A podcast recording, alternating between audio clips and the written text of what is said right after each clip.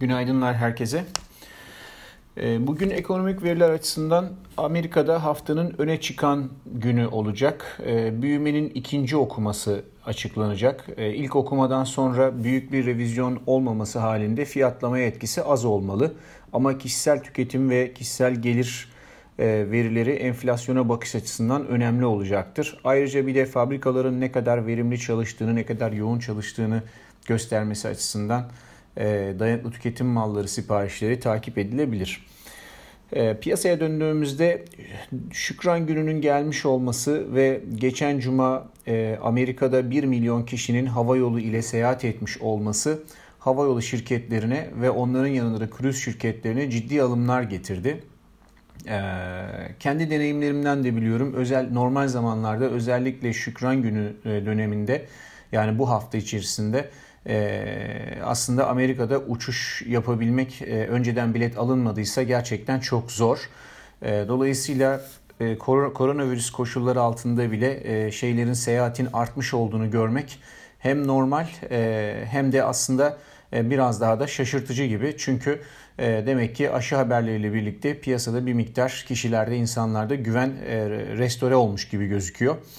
Ee, dönüp tekrar rakamlara baktığımızda Cuma gününün yolcu sayısı e, koronavirüs salgınının başından bu yana en yüksek ikinci günlük yolcu adedi olmuş.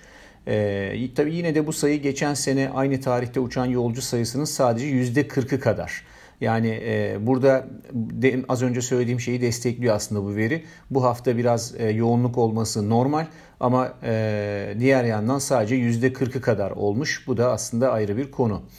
Ee, tabii sonuçta trafiğin artmış olması gerçeği var ve havayolu şirketleri için iyi bir haber bu. Ama e, Şükran Günü seyahatlerinin ardından eğer Amerika'da vaka sayısının arttığı anlaşılırsa o zaman e, rally ciddi anlamda hız kesebilir. Bu da e, pozisyon taşıyanların aklında tutması gereken bir olasılık. Hatırlanırsa ilk aşı haberinden sonra e, şeyde havayolu şirketlerinde bir miktar kar realizasyonu önermiştik. Kısmi realizasyon. Devamı içinse e, havayolu trafiğinin ve yolcu taşıma adetlerinin sayılarının açıklanmasını bekleyeceğiz demiştik. Şimdi o parti ilk parti veriler geliyor. Bakalım devamı nasıl olacak. Ona göre bu e, trade'i e, güzel bir karla kapatma şansı olacak gibi gözüküyor önümüzdeki haftalarda. Ayrıca dün yükselen petrol fiyatı ile birlikte enerji hisseleri de birer birer teknik dirençlerini e, kırarak yükselişe katıldılar ve günün en fazla yükselen sektör hisseleri oldular. E, burada bir kar realizasyonu veya en azından kısmi bir geri çekilme bekliyorduk. Henüz o gelmemiş gibi gözüküyor. Tabii petrol fiyatının e, dün bir kırılım yapmasıyla, yukarı yönlü kırılım yapması burada en büyük faktör. Ancak bu da tabii aslında 3 aşağı 5 yukarı öngörülebilir bir şeydi. Tabii biz bu veriyi e, cuma akşamı gördüğümüz için e, daha öncesinden kar realizasyonu beklentimizden bahsetmiştik. Veri şuydu. E, hafta başına zaten bahsetmiştim. Kod raporunu özetlerken bunu söylemiştim. Enerji kompleksinde doğalgaz hariç bütün kontratlarda hedge fonlar önceki hafta güçlü alımlar yapmışlar. Yani net longları artırmışlardı. Bu da bu piyasada yukarı doğru bir hareketin e, gelmekte olduğunu aslında işaret ediyor demiştik. Tabii onun ardından da hızlı bir hareket geldi. E, grafiğe şöyle dönüp baktığımızda WTI petrol için ilk önemli durak 46 dolar seviyesinde olacak gibi gözüküyor. Zaten oraya oldukça yakınız. E, burası e, ölçü boyunun, harmonik ölçü boyunun tamamlanacağı yer gibi gözüküyor. Hisseler tarafında dikkatimizi çeken bir başka konu ise son zamanlarda çokça gündemi meşgul eden Çinli enerji şirketlerinin ve bazı yeşil enerji şirketlerinin hisselerinde bir miktar geri çekilmeler olmasıydı dün. Ee, eğer bu hareket birkaç güne yayılan bir kar realizasyonu şekline dönüşürse daha önce pozisyon alamayanlar için e, bu bir e, pozisyon imkanı, e, alma imkanı olarak kullanılabilir. Altın tarafına dönüp baktığımızda ee, öncelikle buna şöyle bakmak lazım. 2019'un ikinci yarısından bu yana takip ettiğimiz ve gündeme getirdiğimiz bakır altın rasyosu vardı. Ve bunun 10 yıllık e, tahvile e, tahvil olan ilişkisini takip ediyorduk. Burası aşağı doğru geliyordu fakat son dönemde e, bakır altın rasyosu bakır rehine lehine e, hareket etmişti ama 10 yıllık tahviller burada biraz geri kalmıştı. Her ne kadar yükseliş olmuş olsa bile. Ancak e, bu tabii şimdi bakır altın rasyosunun çok hızlı yükselmesini ardından e, muhtemelen Amerikan 10 yıllıkları da bu aradaki farkı kapatma tarafına geçecekler ve e, tahvil getirilerinde hızlıca yükseliş göreceğiz. Bu olduğunda e, çokça piyasada konuşulan %1 seviyesi aslında oldukça geride kalacak gibi gözüküyor. Orada %1.20'lere kadar tahvil getirilerinde yükseliş olur. E, tahvil getirisindeki bu yükseliş altın üzerinde yine baskı oluşmasına neden olacak bir faktör olarak karşımıza çıkar. Altın fiyatına baktığımızda 200 günlük hareketli ortalamaya kadar gelindi 1800 dolar bölgesinde. Ee, burada ufak alsat denemeleri yapılabilir hızlı gelen satışların ardından hani tepki alımlarını yakalamak için.